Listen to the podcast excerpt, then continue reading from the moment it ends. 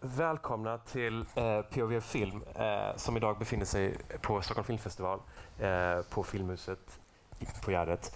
Eh, jag heter Jon Asp och idag har jag med mig en, eh, en kritikerpanel. Eh, från vänster Alexander Cadelo, chefredaktör på Moviesin. Bredvid dig Viktor Malm, litteraturvetare, kritiker och sedan ett halvår tillbaka ungefär kulturchef på Expressen. Eh, Julia Finnsjö, eh, sedan ett år tillbaka kritiker, filmkritiker på Svenska Dagbladet.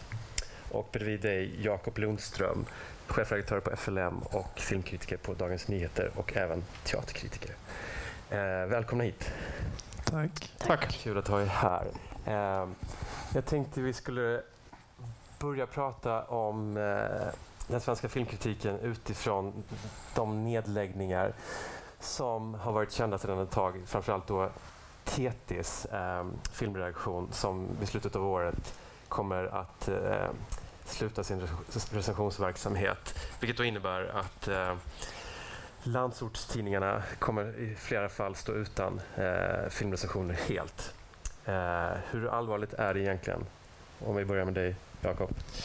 Eh, det är ju allvarligt såklart om de inte hittar något eget alternativ eller startar upp sin egen recensionsverksamhet, vilket kanske är osannolikt i många fall. Eh, samtidigt så är inte läget helt nattsvart. Jag vet inte om en, jag tror att en åtminstone delförklaring till det var väl att NTM-koncernen, eh, som är den Norrköpings tidningar och 15-tal andra eh, lokaltidningar startade sin egen recensionsverksamhet, vilket ju var då eh, ett, eh, positivt att det, att det finns flera olika kritiker. Eh, och att de då inte längre köpte in TT-material. Så det är liksom en del av pusslet tror jag. Så där finns det ju, det är ett exempel där det fortfarande finns eh, jättekvalificerad filmkritik i lokaltidningar. Det säger jag inte bara för att de eh, skriver i FLM också, många av de eh, skribenterna.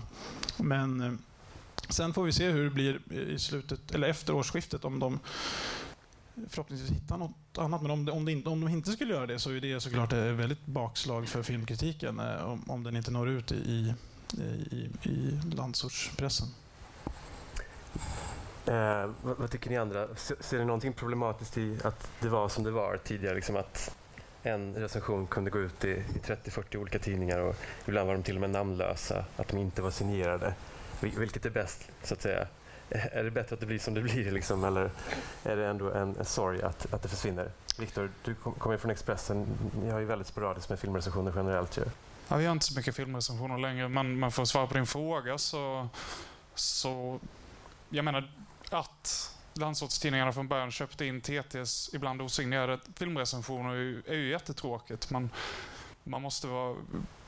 Om man, om man börjar diskutera det problemet där så kommer man liksom bara kunna svara med någon form av så moralisk förfäran över filmkritikens låga status idag. Alltså jag menar, det handlar också om tidningens låga status idag. Hur många färre idag har en tidningsprenumeration? Hur många är villiga att betala för filmkritik? Eh, det är, liksom en hel, en hel materiell grundval som, som det kritiska systemet bar upp sig genom, som, som gått om intet på mindre än tio år. Och att en relativt marginell del av nyhetsbevakningen, det vill säga, eller en nischad del av nyhetsbevakningen får stryka på foten. Det är allvarligt, men, men vi ska också veta att de här landsortstidningarna som stryker sina filmrecensioner, de har också svårt, på grund av att ingen betalar för dem, att genomdriva sin demokratiskt extremt viktiga bevakning av sig kommunpolitiken. Eh, det vill säga den enda garanten vi egentligen har mot att det inte, det inte sker korruption i, i, i kommunhusen ute i landet. Jag menar, det, det är ett systemproblem där, där, filmen är en liten, liten del av kakan. Och det, jag tror att ska man åtgärda det här så är det något helt annat man ska åtgärda först. Alltså jag, jag hoppas att filmkritiken kommer tillbaka till Kristianstadsbladet. Men, eh, men jag, just nu hyser jag inget hopp om det.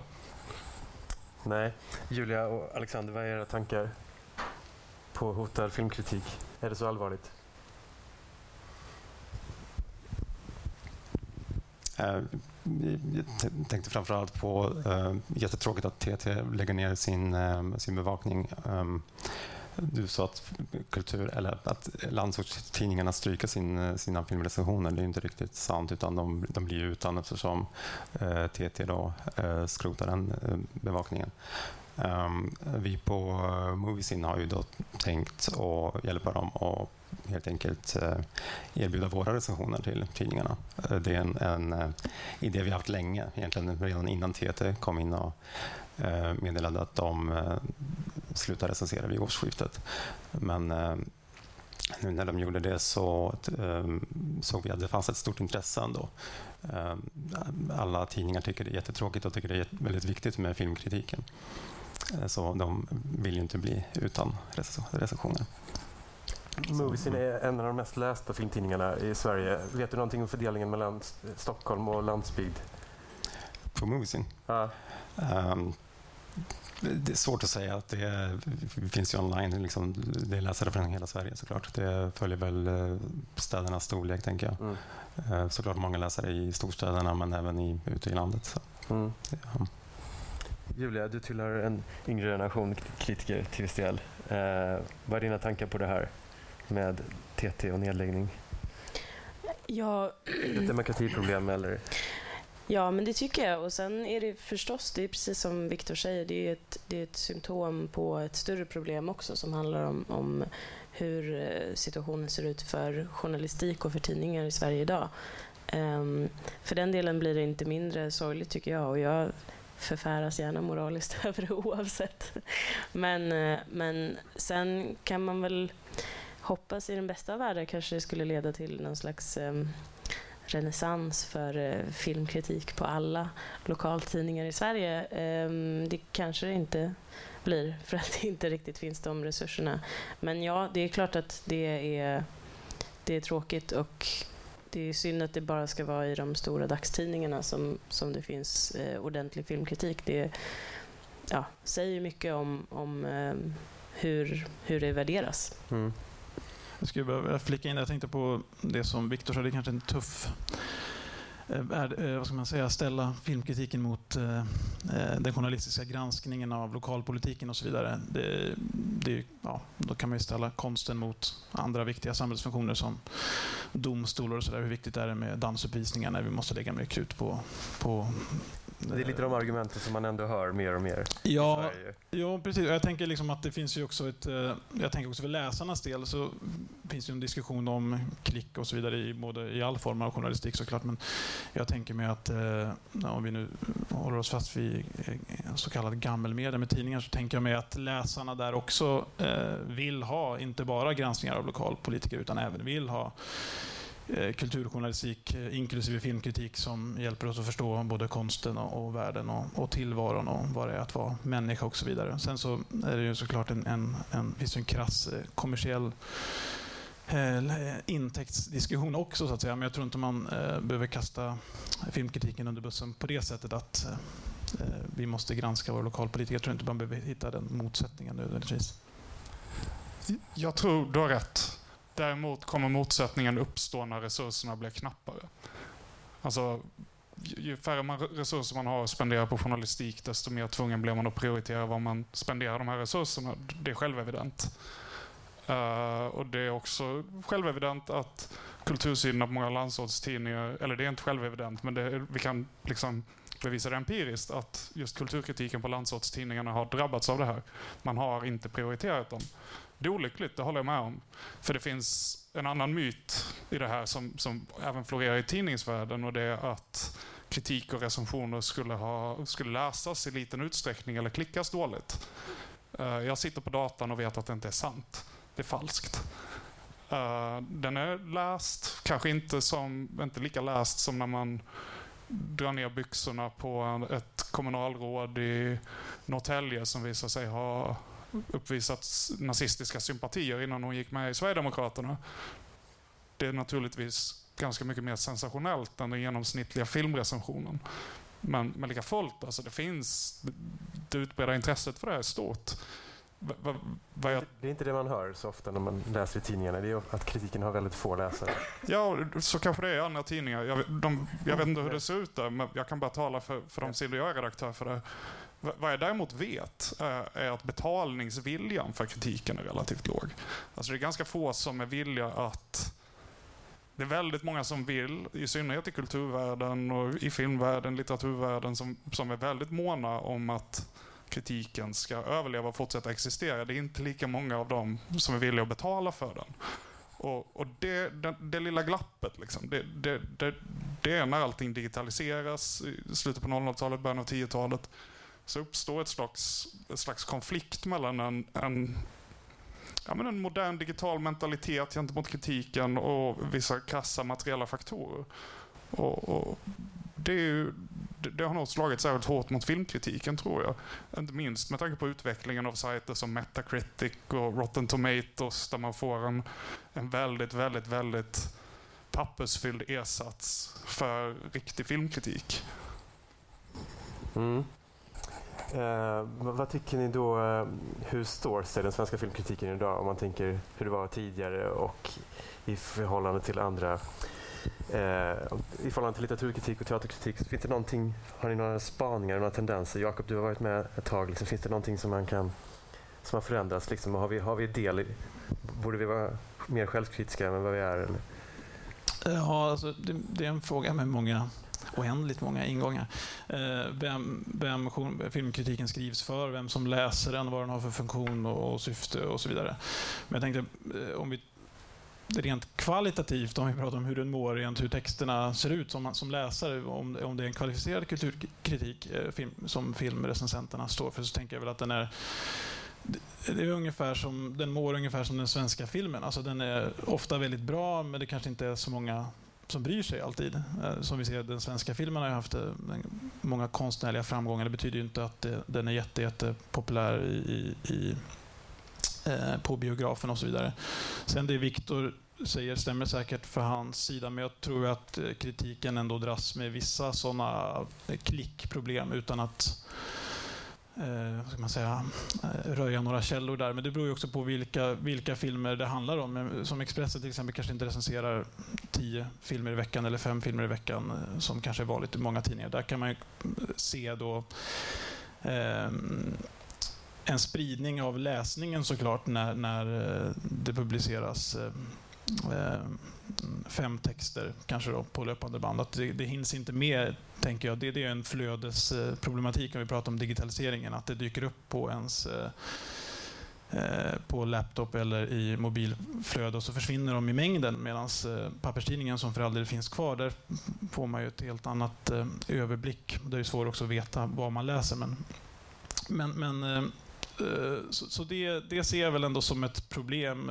från det rent krasst men påverkar det innehållet, tror du, liksom då, att, att det är låg uppmärksamhet på filmrecensionerna? Ja, jag kan inte svara för eh, hur redaktörer på, om vi pratar nu fortfarande om dagstidningar och sådär, tänker, men jag, jag, föreställer mig att det påverkar på något sätt när man studerar statistiken. Hur, hur, många, hur många recensioner borde vi ha i veckan? Vad borde vi recensera? Ska vi verkligen recensera den här filmen som går upp i så här få kopior istället för den här tv-serien som en miljon eh, svenskar ser i helgen? Det, det är en, en sån avvägning såklart. Sen tänker jag ju personligen, eh, om man ska tänka på kritikens ställning och värde för en dagstidning som ja, det, eh, Dagens Nyheter eller Svenska Dagbladet eller vilken morgontidning som helst, är att man som läsare ändå förväntar sig att det ska finnas filmkritik. Även om man inte alltid slaviskt läser den från första till sista mening så vill man att den ska finnas där. Det är liksom en del av dagstidningens löfte någonstans. Att man ska kunna hitta den. Om man har sett en film eller en, en teaterföreställning eller något annat så vill man också ha en kritikers... Eh, en, gå i dialog med kritikerns åsikt om den. Mm. Övriga, vad har ni för tankar på det här? Svenska filmkritiken idag? Jag, jag tror den har samma problem som alla andra kritikformer. Det är, det är liksom när, när och det, det, tror jag är en erfarenhet eller en upplevelse hos många kritiker att ens värv har blivit subkulturellt. Eh, man står inte längre i mitten av en kulturell diskussion där man har dialog med varandra. Man står inte i mitten i samhällsdiskussionen. Man, det är inte som det var på 80-talet när det fanns, liksom, eh, åtminstone i backspegeln, en ganska gyllene kritisk era när Gösta Boman i Moderaternas sommartal kunde stå och referera till litteraturkritik kritiker. Liksom. Det, det där gäller inte längre.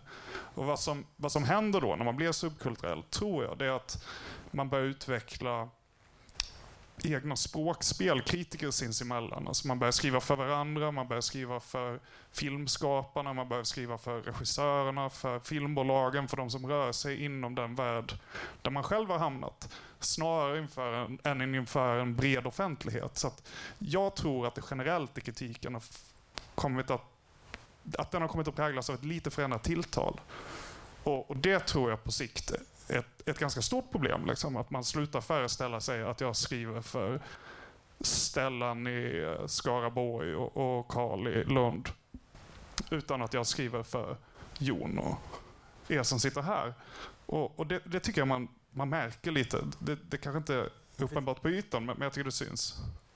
Men finns inte en risk också för det motsatta? Liksom? Att man i hög grad försöker skriva om en föreställd mottagare ute i landet och där, liksom, där en viss typ av filmer får ännu mer uppmärksamhet som nya Marvel-filmerna. Att man visar liksom, att man verkligen är ajour liksom, och uh, skriver om de, de filmer som antas vara mest populära.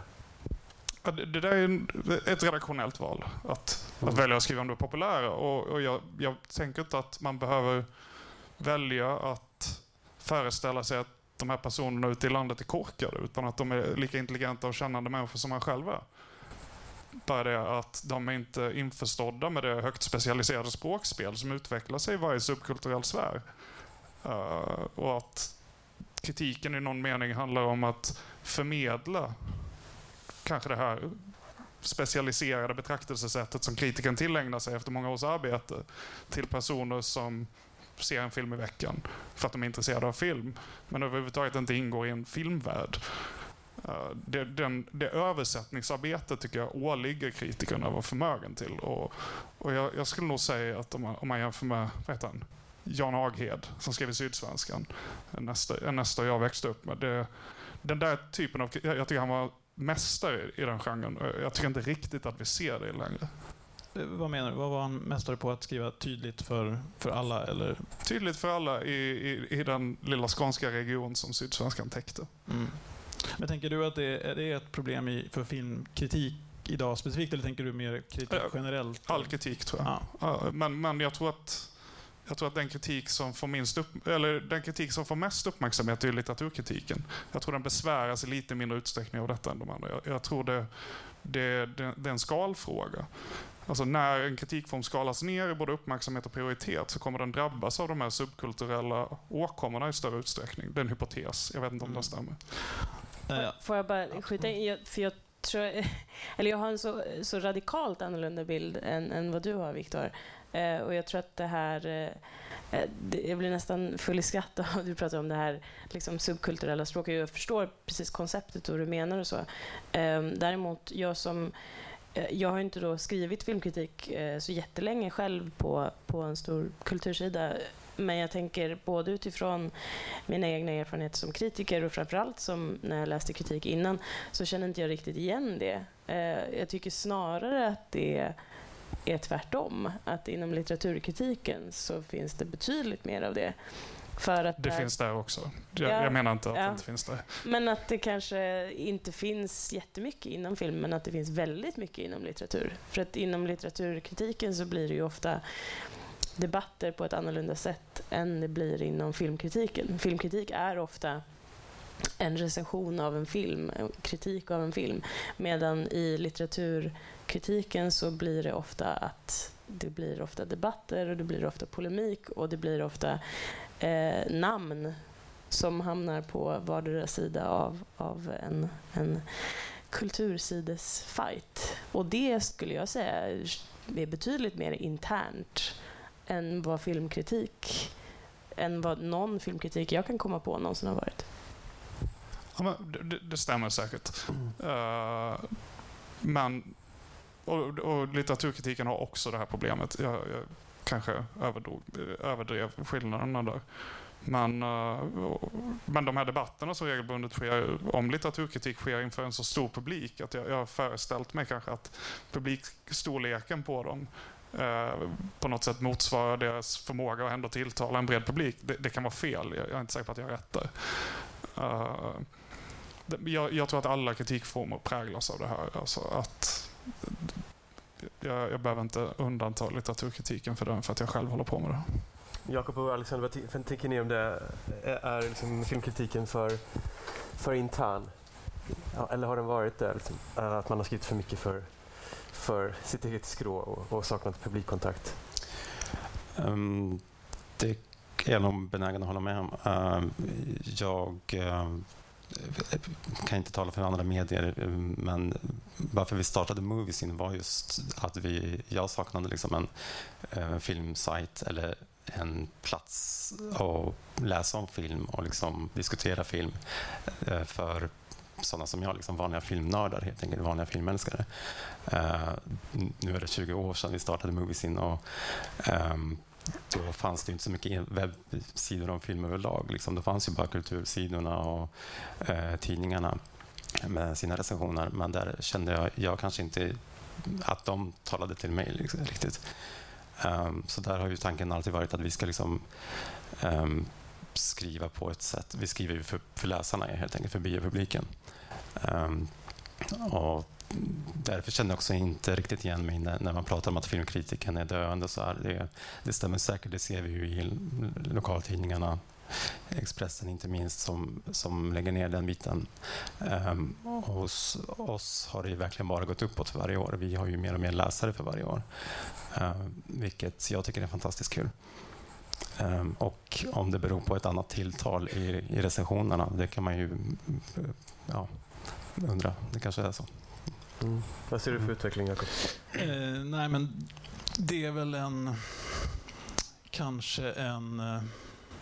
Jag tänker, filmkritiken är alltid mm, en gammal diskussion i filmkritiken som pendlar mellan nöjes och kultursidorna. Så där, att då finns det en kritik om att film måste tas på allvar och skrivas om kultursidorna, inte på nöjessidorna, att det är som en, en degradering. Då. Eh, och så finns det också en diskussion om där man ställer kanske entusiastisk kritik mot akademisk distans. Liksom sen, eh, ja, inte vet jag, Care de Cinema, det är en sån gammal diskussion om hur, hur, på vilket sätt skriver man om film med en, en distanserad analys eller med en entusiastisk entusiastisk filmnördighet som Alexander eh, pratar om. Och jag tänker väl att eh, det finns ju många sådana generationsväxlingar som man kan studera om man tycker det är kul eh, i svensk filmkritik. Men, men personligen så uppskattar jag att det finns en bredd, en mångfald av kritik. Jag har inga, absolut inget emot filmkritik som är jättespecialiserad och kvalificerad och kanske inte riktar sig till en bred publik heller. Jag tänker att båda sakerna måste ju existera sida vid sida gärna. Så att, eh, och FLM kanske är ett exempel på en publikation som kanske inte tänker specifikt på vad läsaren på en föreställd läsare mer än någon som är intresserad av film såklart. Eh, så det ser jag inte som ett problem heller. Utan det är, poängen är att det ska finnas alla delar i en frodig, levande filmkultur. Men, men, men borde det inte finnas liksom ett större självförtroende, ett bredare urval även på, hos dagstidningarna? Jag, bara för att ta ett exempel, häromdagen så mellanlandade jag i Paris och köpte dagstidningarna och läste Liberation. Och, som de flesta vet så är det liksom en vanlig dagstidning med, med stark vänsterstämpel men det är ändå en dagstidning som skriver om de vanliga sakerna. De skriver om Qatar, de skriver om Ukraina, de skriver om, om eh, Iran och allt sånt där. Men just den dagen då, en onsdag, så var det liksom de fyra första sidorna av tidningen var vikta åt filmen. Det var så le en ledartext först som pratade om att biopubliken var på väg tillbaka till de franska salongerna följt av en, en, eh, en lista på filmer som gått väldigt bra då. Inte bara Ruben Östlunds film och Tareq Salles film utan massa inhemska filmer då. Eh, och sen var det liksom en lång recension av en film som tävlade i Cannes igår, eh, i år, eh, Pacifiction, eh, och en, en, längre intervju. Så det var fyra sid de fyra första sidorna av tidningen eh, vikta åt filmen, vilket man blir ganska glad över. För menar, och då, då kommenterar de också det faktum då att, att Marvel-filmen Black Panther hade premiär samma dag. Liksom. Och det fanns säkert en recension på nätet också, eh, även en Liberation. Men, men eh, det var alltså fyra sidor där plus fyra sidor senare i tidningen. Det är en helt annan kultur, jag vet, än den svenska. Men eh, jag ser en risk liksom att vi att vi har liksom marvel, marvelifierat liksom, eh, mycket av vår filmbevakning ändå. Liksom, att vi skriver om det som får de snabba klicken liksom, och att det också i det sker en, en sorts värdenivellering. Liksom, parallellt då med att betygsskalan blir viktigare och viktigare då. Det är inte så viktigt om man läser från, från A till Ö liksom, utan man läser ingressen och slutklämman och betyget. Så här. Ser ni de tendenserna också? Menar, att, att det blir en utslätning av det liksom, och att man gärna vill tycka ungefär samma som, som den stora opinionen tycker. Att vi är liksom lite för mesiga Alexander? Jag vill mest kommentera på Marvelifieringen. Jag känner inte att det är Marvel som kanske drar mest klick heller. Eh, även om man, man, man, tror det. Om man tror att vi bara kommer skriva om Marvel-filmer liksom, om, om, om det inte finns någon bredd i bland filmkritikerkåren. Det kanske var slarvigt uttryckt. Nej, nej, jag förstår dig. Jag, det har varit men... långa uppslag genom det senaste decenniet, så här, både i DN och andra tidningar, liksom, mm. där väldigt profilerade skribenter som kanske inte hör hemma i filmen, men som ändå ser ett större värde i den typen av filmer för att de har åtminstone någon slags giltighet. Och sen vill man gärna samtidigt då göra ner det smalare liksom, för att det är ändå ingen som ser det. Jag tycker det är så konstigt. Eh, men jag kan ju återigen bara tala för mig själv, men om vi, kan ju skriva om eh, ganska smala filmer som ändå kanske går upp på Netflix som då når en bred publik och eh, blir väldigt populära tack vare det, tack vare att de finns lättillgängliga. Det är en positiv grej. Det tycker jag är jättebra. Som, sen, uh, tyska krigsfilmen på västfronten, Inte ett nytt, som kom upp på Netflix. Skitbra. Uh, drog jättemycket läsare hos oss. Liksom. Det är kanske mer än Wakanda Forever för att nu har vi sett så jävla mycket Marvel-filmer de senaste åren så att eh, det, det, kanske inte känns som nytt utan eh, vi märker också att läsarna eh, vill ju också ha någonting, någonting nytt. De vill överraskas liksom, av eh, bli inspirerade och se något annat också. Så det är inte bara storfilmerna som drar klick, det, det är inte min uppfattning. Nej, men att ändå det här otroliga utbudet som vi har på biografer och streamingtjänster ändå kanske borde leda, leda till ett ännu kreativare urval, tänker jag, alltså av redaktionerna, vilket skulle kanske skapa en ännu mer eh, självständig kritik. Vad tänker ni?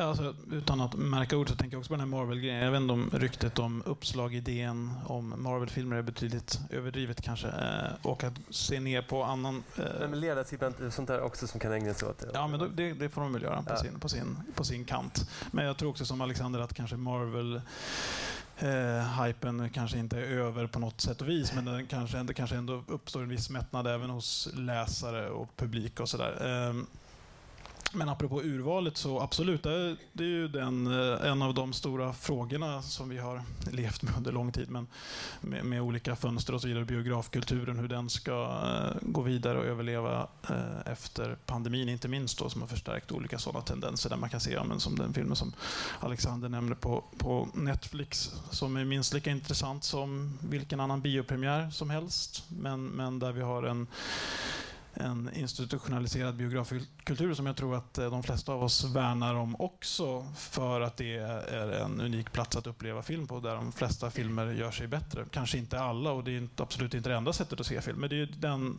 eh, den, det dilemmat och den balansgången hela tiden som jag tänker att man återkommer till när man ska ändå ska, om man då betänker att det finns ändå en eh, en gräns av olika utrymmesskäl eller budgetskäl eller vad som helst. Så det här urvalet som du nämner, jo, det måste ju göras då med ofantligt antal variabler och parametrar. Däremot kan man säkert bli mer eh, friare att tänka mer kring det. Men då, då krävs det att man väljer bort något också. Det är inte färre antal biopremiärer varje vecka, tycker jag mig inte se.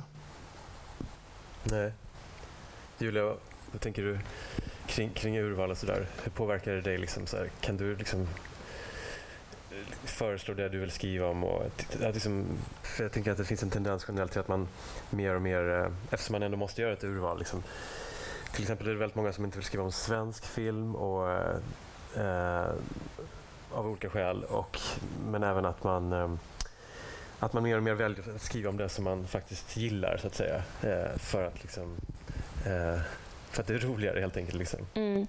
Ja, alltså, ja, eh, tusen tankar just nu apropå det vi pratade om tidigare också. Men, men apropå just det, jag, jag har eh, lyxen att jag ändå får göra ett, ett relativt eget valt urval. Och det eh, landar såklart ofta i att jag, eh, jag önskar att skriva om de filmer som jag eh, vill skriva om för att jag tycker att de låter eh, intressanta eller spännande. Vilket jag tror... Ehm, dels tror jag att det är roligare att läsa kritik av någon som är eh, entusiastisk kring det. Eh, och någon som faktiskt, jag tror att det är det blir bättre kritik om man inte automatiskt går in med att um, man ska ogilla någonting, även om det är kul med sågningar också förstås. Um, men, men ja, um, det, så är det såklart. Men sen, ja. Men hur, hur jag vet att Victor, du har polemiserat några gånger med Johan Hilton på Dagens Nyheter apropå teaterkritiken. Att den också är för intern, liksom, att det liksom att man gärna ser att det är teatervetare eller väldigt erfarna teaterpersoner som skriver teater. Liksom, eh, där du menar på snarare liksom att det viktiga är att vara intressant. Liksom. Och liksom hur, vad täcks i det ordet intressant? Liksom, hur far out får man vara? för alltså, inte, inte för far out. Nej. Nej, men för att svara lite på det Julia sa så jag, jag, jag, tror det är väldigt olyckligt om vi hamnar i en situation där kritiker framförallt vill skriva om saker som de tycker är intressanta. Det tror jag är en, en återvändsgränd som är kritikens irrelevans. Totala irrelevans. För att den relation som en tidningsläsare bygger till en kritiker, det är av det trovärdiga omdömet. Alltså det är i någon mening en vägledare och en, en dialogpartner. Alltså man har delvis en roll som, som konsumentupplysare. Det, det, är så en dagstidning fungerar. Ett magasin funkar inte riktigt på det sättet. För att där, där söker folk som redan har kunskap, dit söker sig folk som redan har kunskap. Men man... Börjar det bli som med dagstidningar också eftersom det är färre och färre som är betalnings... Ja, men, kan, men de är fortfarande massmedium. Ja, Expressen är ändå läst av fem miljoner ja. digitalt varje vecka. Uh, och, och, Dagens Nyheter har hundratusentals prenumeranter. Jag menar, det, det är fortfarande massmedium. Men, och, men, och, och där, och det skulle jag säga, där har Johan Hilton rätt och jag fel. Att det viktiga är inte att vara intressant, det viktiga är att, att, att se mycket och se på så pass mycket att man, man vågar säga någonting när, när någonting är dåligt. För att det är en av kritikerns absolut största uppgifter. Det är Ulf Linde som säger det. Att kritiken äh, går ut på att säga vad man tycker och det är det svåraste som finns. Men för det, det, det gör ont att såga grejer måste jag säga. Det är helt sant Viktor, men då, jag måste skjuta emellan då för då kanske jag uttryckte mig illa eller så missuppfattade du. Men det, jag kanske gav intrycket av att jag sitter och väljer och vrakar och bara tar de filmer som jag själv eh, tror att jag kommer älska. Så är det naturligtvis inte. Eh, jag har förmånen att få eh, önska filmer och då önskar jag ofta filmer som jag tycker själv verkar eh, intressanta och det tror jag i sin tur gör, för jag tror också som, jag tror att du har helt rätt i att kritiken är förstås en konsumentupplysning. Det är det såklart. Men det är också en, eh, lika mycket en vägledning och en kontextualisering. Och eh, att skriva om någonting som är intressant och sen kontextualisera det för läsaren tycker jag också är en viktig del i kritiken. Och det tror jag man har... Ja, det, det, går, det går smidigare att göra det om man tycker att någonting är intressant. Sen är det klart att, alltså jag menar, jag har också skrivit sågningar och det är klart att de behövs också och man behöver upplysa konsumenter om någonting, eh, om de ska lägga sina surt förvärvade eh, slantar på att gå på jättedyr bio eller sin surt förvärvade tid som man inte har så mycket av nu för tiden eller titta på någonting på Netflix. Men vad är riskerna i det, tänker du, Viktor? Att man hamnar för nära liksom, PR-kulturen liksom, om man bara skriver entusiastisk kritik liksom, och väljer det som man själv gillar? Ja, men det finns absolut ett PR-problem i det, men det, det finns också, och det, det, finns i litteraturen, det finns i konsten, det finns i teatern, det finns i filmen.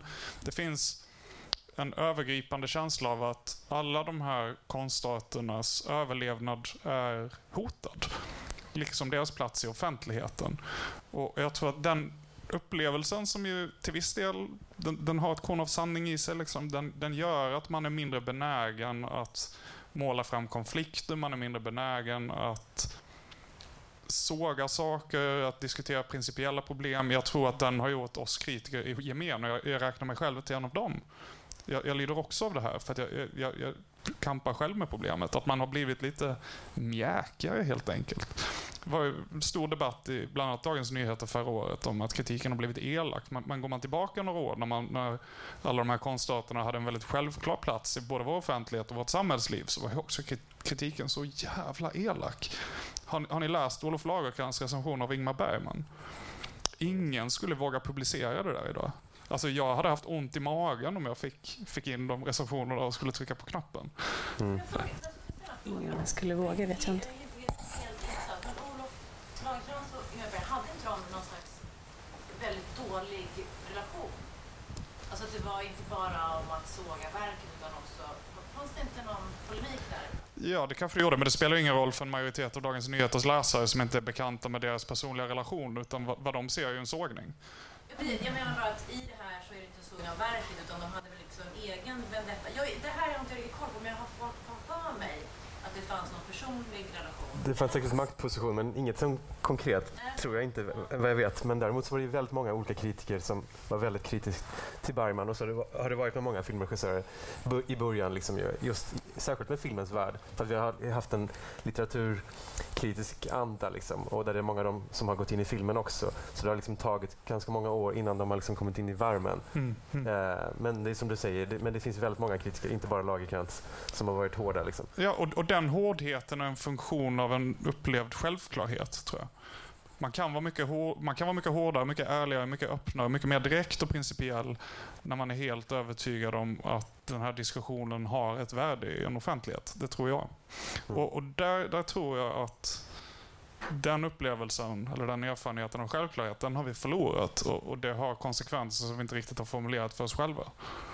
Det som Jan Ager stod för också. Då. Ja, Jakob. Ja, precis. Eh, nej, jag tänkte bara tillbaka på filmkritikens eh, eh, historia, jag på säga. Nej, men, om, filmkritiken i Sverige är ju 100 år gammal ungefär och där i början, det är ju Väldigt ung.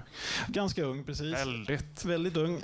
Eh, eh, funnits ändå nästan, inte riktigt sen filmens födelse, men, men nästan, när, när folk började gå på bio. Den växte ju fram i samklang med att annonsintäkterna ökade eh, i tidningarna. Det var så också då det, det skapades en efterfrågan på filmkritik. Så den här växelverkan mellan annonsering och kritik eh, finns ju. Och då stängdes ju filmkritiker av när de var för, för sura enligt filmbolagen. Så den liksom eh, hur, vilka påtryckningsmedel filmbolag har mot filmkritik eh, är ju en gammal historia. Och den tänker jag också på filmkritikens oberoende och funktion och syfte och hur, hur olika intressenter, om man talar i sådana termer, eh, vilka förväntningar man har på filmkritiker. Och det tror jag också att man kan undermedvetet eller omedvetet finns det säkert sådana hänsyn som tas då, inte minst till svensk film eller kanske någon eh, liten distributör som man tycker lite synd om för de har tagit in en film som kanske då får ett, en något snällare recension än, än den borde ha. Alltså den typen av eh, hänsyn tror jag definitivt eh, spelar en roll.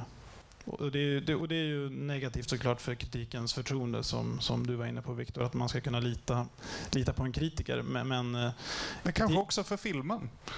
hur menar du? Jag tror att en läsare ser igenom det mjäkiga omdömet omedelbart. Mm. Eh, jag, jag tror att det är väldigt genomskinlig retorik bak ett mjäkigt omdöme som inte är riktigt autentiskt. Man ser det autentiska omdömet. Eh, och, och det får det att se ut som en charad, tror jag. Men, Ja, men får jag fråga också vad du menar med mjäkigt omdöme då? För jag tänker att ehm, det låter lite som att eh, det antingen ska vara eh, extremt positivt eller extremt negativt.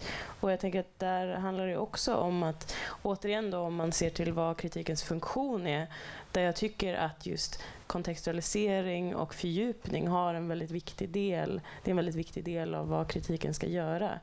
Ehm, den kritik som jag tycker om, inte som jag aspirerar på att skriva själv, för det vet jag inte riktigt vad det är, men det som jag tycker om att läsa själv, det är saker som ger mig en bättre förståelse för ett verk som jag har sett. Och då bryr inte jag mig så mycket om eh, huruvida det har fått liksom, väldigt bra betyg eller väldigt dåligt betyg eller om det säger att det här var uselt eller det här var genialiskt.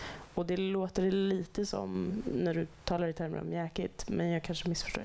Ja, men jag tror du förstår hyfsat bra. För att vi här tillhör väl den högt specialiserade skaran som ganska regelbundet vill ha någonting fördjupande, analyserande, eh, kontextualiserande av vår kritik. Och jag tycker naturligtvis att kritiken ska innehålla också detta. Men jag, jag tycker att den är ålagd att svara på frågan vad, vad, vad kritikern tycker om verket. Var det bra eller var det dåligt? Eh, för att jag är helt övertygad om att den breda allmänheten, de kanske hundratusen som vi vill ska vara vår publik med kritiken, det är väl ändå idealet. Inte att skriva för 900 närmast sörjande, utan en offentlighet. de, de är också intresserade av det här omdömet. Och jag tror att de gånger vi lindar in det här omdömet, det är det jag menar med mjäkighet, så, så riskerar kritiken att framstå som och jag gör hela, alltså jag har gjort det flera gånger, jag är missnöjd varje gång. Det, det är lätt att hamna i det där som, som Jakob sa. Att man tar hänsyn som man önskar att man inte skulle ta, som är oärliga. Men, men jag tror att det, det lyser igenom varje gång. Jag vill, bara, jag vill bara ta de här 900 närmast sörjande i försvar eftersom det är FLMs prenumeranter. Men ja, fortsätt. Nej, det behöver inte finnas en motsättning mellan värdering och kontextualisering heller. Men, men Jakob, det som du nämnde tidigare apropå att svensk filmkritik är väl ungefär som svensk film, liksom att det är samma konjunktur. Hur, hur menar du då?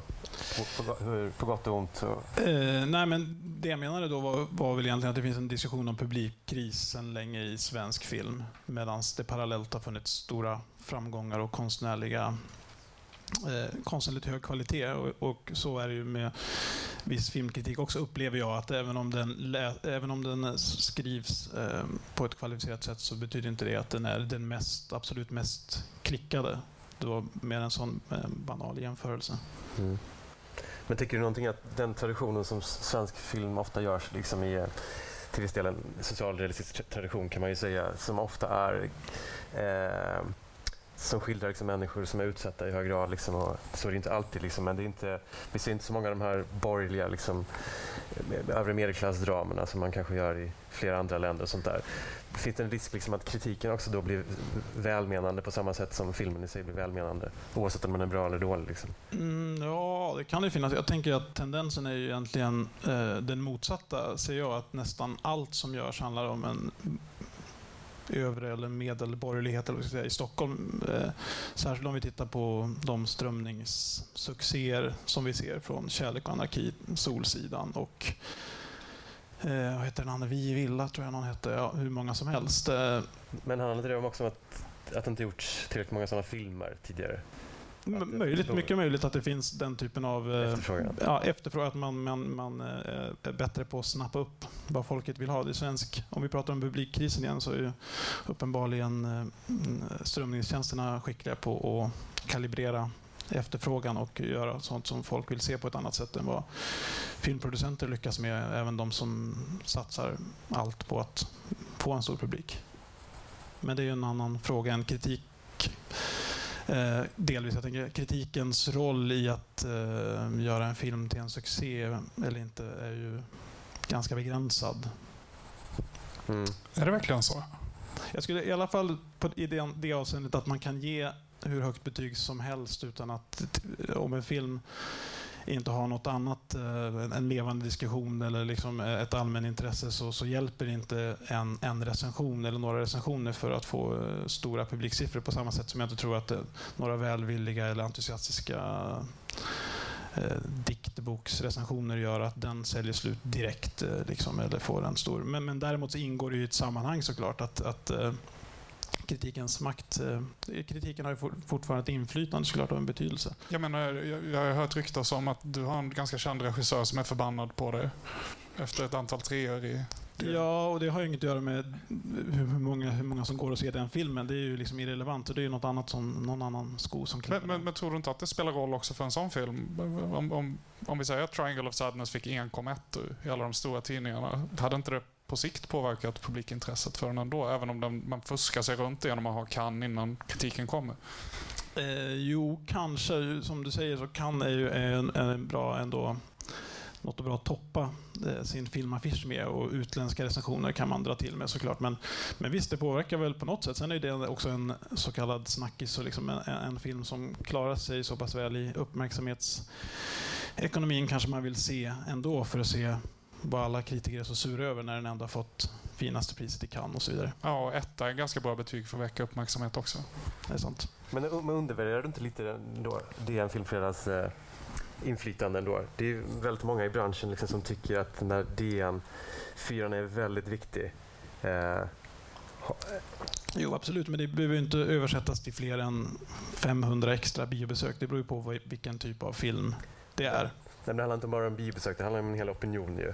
Ja, ja nej, nej, nej, nej nu, nu pratade jag rent krasst om ja. liksom, publiksiffror eftersom vi, vi, vi var inne och pratade på publik, mm. publikframgångar. Det är väl klart att filmkritiken är väldigt betydelsefull just för apropå det vi pratade tidigare om förväntningar, så är det just en viss typ av film som eh, inte görs för en miljon publik eller man kanske inte kan, man kalkylerar krasst med att den inte kommer nå en miljon biobesökare, då är ju mottagandet eh, av recensenter och andra i superviktigt såklart, eh, som man också kan använda som ett existensberättigande nästan om man ska få göra en till film. Så är det ju. Mm.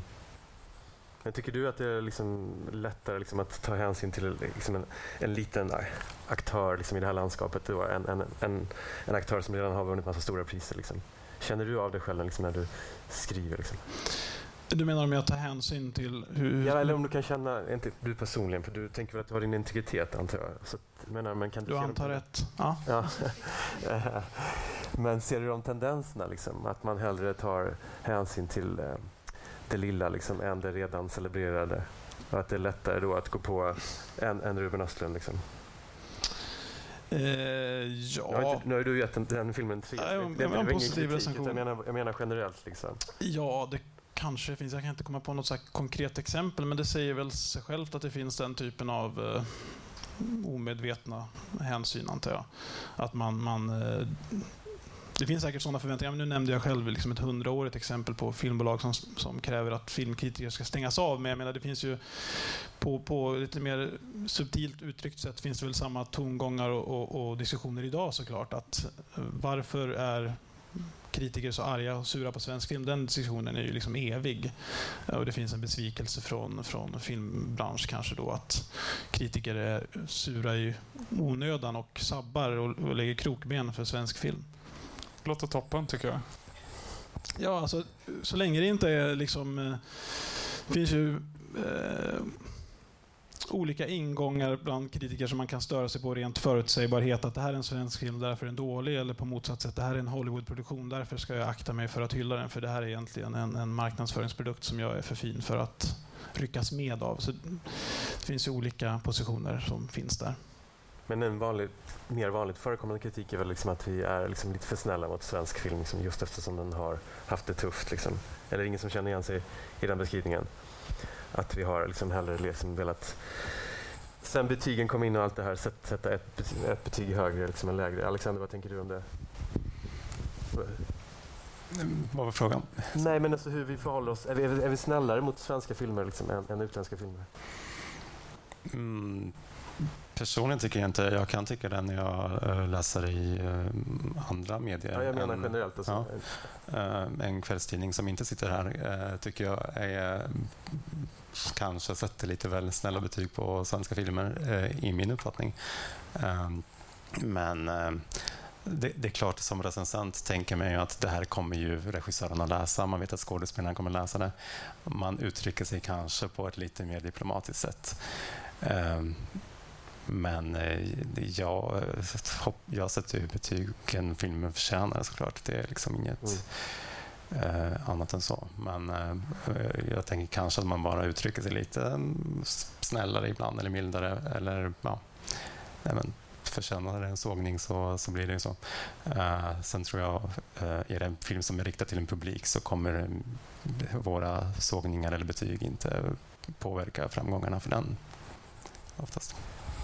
Eh, tiden börjar rinna ut här och vi ska släppa in publikfrågor också. Eh, jag tänker bara att ni ska fundera lite på vad ni tänker liksom att den svenska filmkritiken behöver göra liksom, eh, för att bli ännu mer relevant i framtiden. Så här. Behöver vi ta bort betygssystemet helt och hållet? Liksom, behöver vi få in fler röster från andra? Jakob, du skriver ju teater till exempel då, också. Trots då att Johan Hilton helst vill att man ska vara inom sitt skrå. Nej, jag menar inte så. Eh, men vad behöver vi göra? Liksom? Behöver vi hitta liksom, fler som är specialiserade? Eller behöver vi hitta liksom, profilerade aktörer från skribenter från andra fält? Och, medan ni funderar lite på det så tänkte jag att vi kunde släppa in publiken ifall det finns några frågor här. Eh, specifika eller kring det vi har pratat om. Ja? Hej, Bodil heter jag. Eh, jag bara funderar på vad ni tycker fattas vad är det för historier ni önskar se? Vad är det för biofilmer ni önskar se rent personligt eh, i framtiden? Det är en bra fråga. Vilka biofilmer vill ni se i framtiden? Vilka historier saknar ni? Jag vill uttrycka det här på ett väldigt diplomatiskt och trevligt sätt. Uh, för att jag, jag förstår vad, vad, din fråga handlar om. Men jag, jag, jag vill inte veta vad jag vill se på bio. Uh, jag vill ändå bli förvånad och chockad. Det kanske är det man saknar lite ibland. Att, att saker kan kännas förutsägbara och nästan som beställda. Jag kan nog sakna den här chocken av att gå på bio och bli helt överrumplad. Jag bryr mig inte jag bryr mig faktiskt inte om vad filmerna handlar om, om de är bra. Jag vill se bra film. Mer överraskande film som bryter mönster.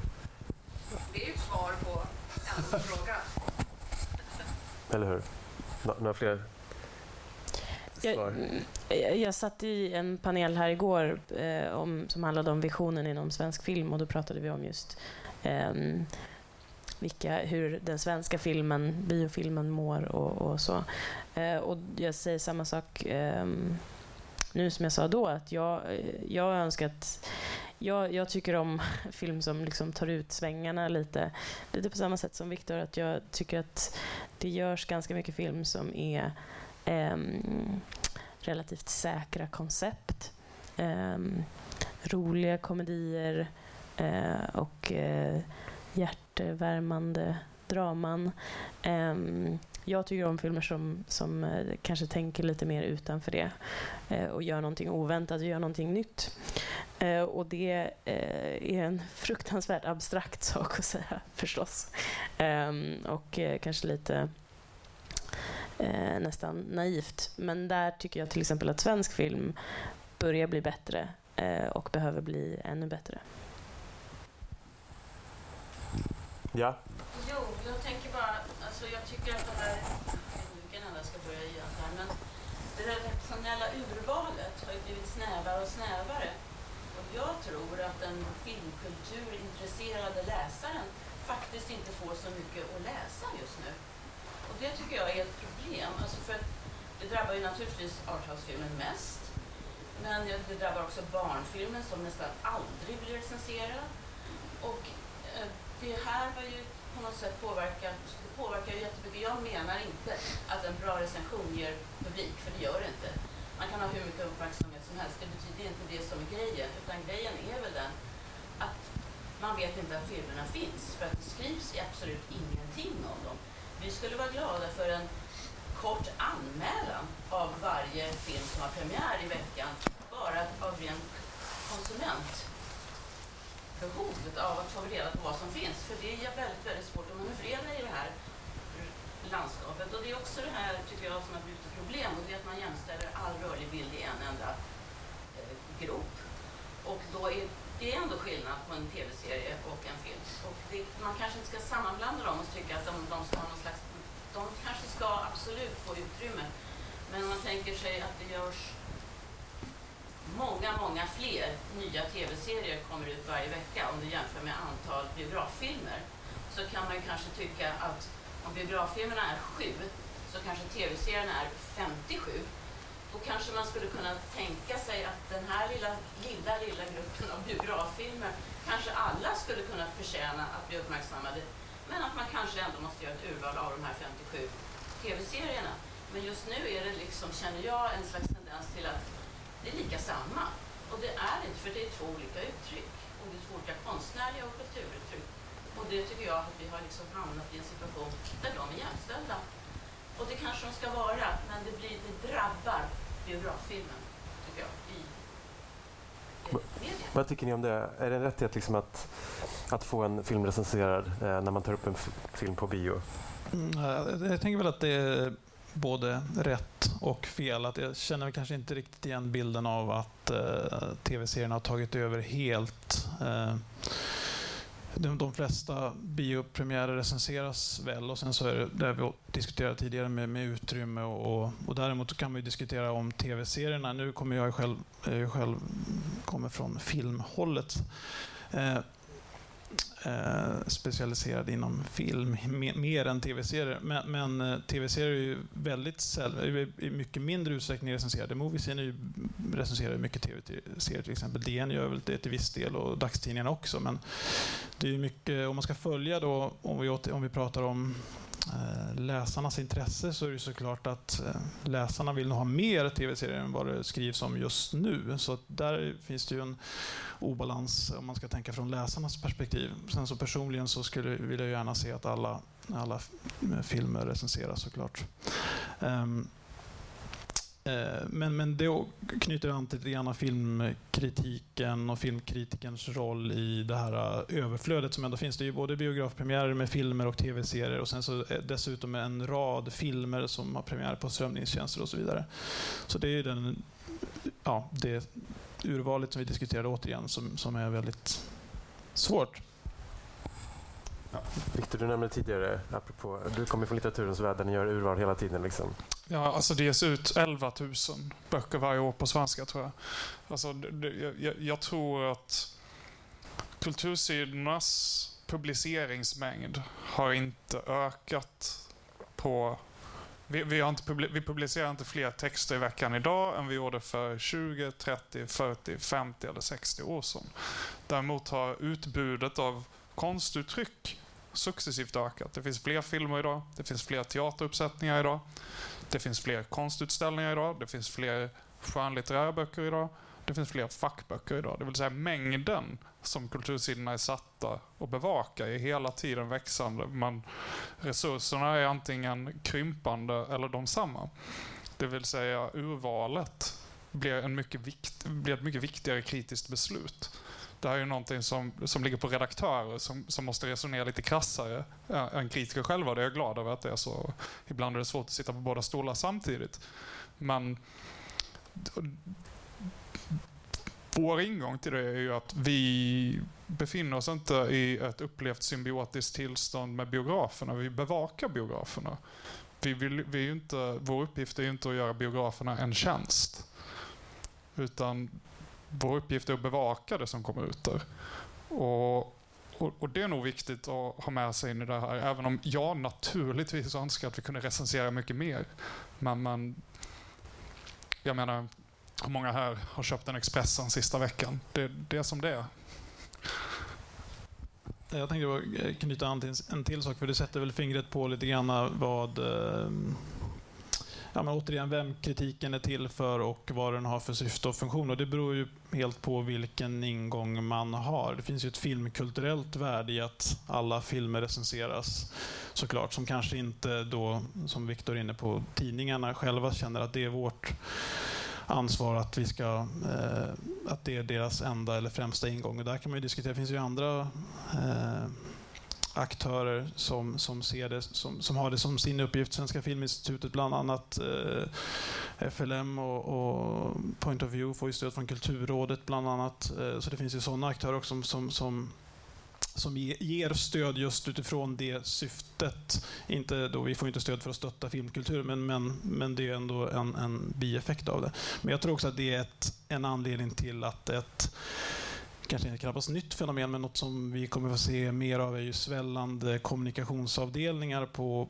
alla håll och kanter, både från, då, ja, både från förlagsvärlden och eh, filmvärlden, där då de som gör filmen själva tar Det är ju en del av deras PR-maskineri för att skapa uppmärksamhet såklart, men där allt från Filmstaden startar sin egen podcast till exempel om sina filmer. Eller Netflix har ju en egen eh, hemsida som ser ut som att det är en tidning men i själva verket är det de själva som skriver snärtiga kommentarer om, om sina filmer och så vidare. Eh, så det tror jag att vi, vi, det ser man ju mer av att kommunikation, det gäller ju inte bara kulturbranschen utan alla, alla delar av samhället att kommunikationsavdelningarna sväljer och kanske ersätter, höll jag på att säga, kritikens eh, roll om den och, och sannolikt ett svar på det underskott du påtalar. Eller man, man såg att det fanns ett utrymme att fylla som har lämnats öppet. Alltså, det måste man ju också erkänna. Liksom. Mm. Och sen så ser det, det, den möjligheten olika ut för olika aktörer såklart. Netflix kan ju mm, lätt starta en egen sajt. Det kanske inte alla små biografer och distributörer i Sverige kan. Då får andra aktörer kliva in. Liksom. Men samtidigt som om man nu tänker att, då, att upp, uppmärksamheten är så livsviktig för att en film ska eh, få sina besökare eller få en levande diskussion så eh, ska ju såklart kritiken ändå vara oberoende. Så det är, Mm. det är ett dilemma. Ja, oavsett vilken eh, aktören är så, måste, så ställer det ännu högre krav på självständigheten hos kritiken då när PR-maskineriet växer och får större inflytande. Eh, vi måste avrunda till sist bara, om vi kan vara kortfattade. Finns det någonting konkret ni skulle vilja se eh, förbättras i kritiken och svenska filmkritiken? Vem vill börja? Det kan vara en konkret, ett konkret förslag liksom, eller någonting mer abstrakt, men formulera det kort. Jag, jag skulle vilja se att filmkritiken eh, blev Eh, fick mer utrymme. Eh, att det skrevs om fler filmer. Ehm, för att jag tror att det är viktigt för både konsumentupplysning, precis som vi pratade om, eh, för att kontra det här PR-maskineriet, vilket gör att konsumentupplysningsdelen försvinner helt och så vidare. och så vidare. Sen eh, skulle jag också önska personligen att mindre filmkritik var bakom betalväggar och så och att den var lite mer lättillgänglig i tidningarna. Det skulle vara min önskan tror jag. Att den inte var bakom betalvägg. Mm. Viktor? Jag hoppas ju att mer journalistik generellt är bak betalvägg på sikt så att den överlever. Men eh, det, det, det är så här, Jörgen Habermas, eh, som är den mest berömda offentlighetsteoretikern, han lyfter alltid fram agonismen och konflikten som en förutsättning för att ett offentligt samtal ska kunna fungera som det ska På sikt. på sikt. Och då välvillig konflikt. Eh, och om, om jag fick önska någonting av filmkritiken så var det mer av formulerade konflikter. Alltså motsättningar, tydliga smakskillnader, tydliga idéskillnader mellan kritikerna. Att dessa får utrymme att artikuleras och, och stötas mot varandra. För det tror jag på sikt också skulle höja intresset för filmkritiken. Men, men det, här, det här ligger inte bara på kritikerna utan det finns ett redaktionellt ansvar för att se till att den framhäv, sånt framhävs också. Och mer excentriska och utmanande filmer då, som gör, Ja. oss, som gör oss mer intressanta. Ja, precis. Ja, men det, det har varit superintressant att läsa recensioner av Triangle of Sadness till exempel. Men de har ju också fått utrymme. Mm. Alexander? Nej, jag håller med. Jag, eh, jag vill se fler kritiker som bara tycker olika. Därför bäst eller fler kritiker just för att få fram fler åsikter. Jag vill se sågningar av Triangle of Sadness också. Jag vill se liksom, eh, hela spektrat. Det är ju jättekul som Så har det inte varit. Det har ju varit ganska tre, treor och fyror det här. Ja, mellan. visst, jag, jag också. Jag gillar filmen, liksom, men jag vill se bara någon I slags... Frankrike är det ett och fem. Ja, men skitkul. Det tycker jag är jätteroligt. Mm. Eh, och jag tycker också att recensionerna ska vara lättillgängliga. Jag tycker inte de ska gömmas bakom betalvägg. Och eh, jag, tycker, jag vill framförallt att de ska vara mer underhållande. Liksom. Det ska vara kul att läsa om film, tänker jag. Jakob, du får sista ordet. Ja, jag skriver under på det de andra har sagt. Mer orädd och eh, glad och arg och eh, känslostyrd och eh, inte alls känslostyrd eh, tänkvärd filmkritik. Tack. Då vill jag tacka er i publiken för att ni har varit här och ställt frågor. Jag tackar panelen Jakob Lundström, Julia Finnsjö, Viktor Malm och Alexander Cardello. Tack.